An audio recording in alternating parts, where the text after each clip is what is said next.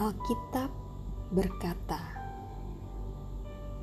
Mazmur pasal 1 Berbahagialah orang yang tidak berjalan menurut nasihat orang fasik, yang tidak berdiri di jalan orang berdosa, dan yang tidak duduk dalam kumpulan pencemooh.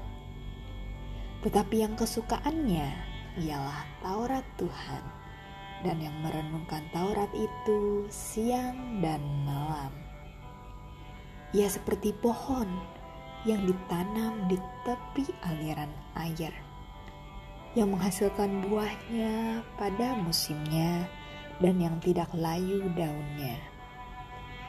Apa saja yang diperbuatnya berhasil.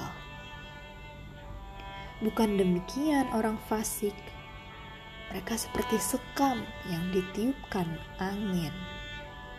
Sebab itu, orang fasik tidak akan tahan dalam penghakiman. Begitu pula orang berdosa dalam perkumpulan orang benar.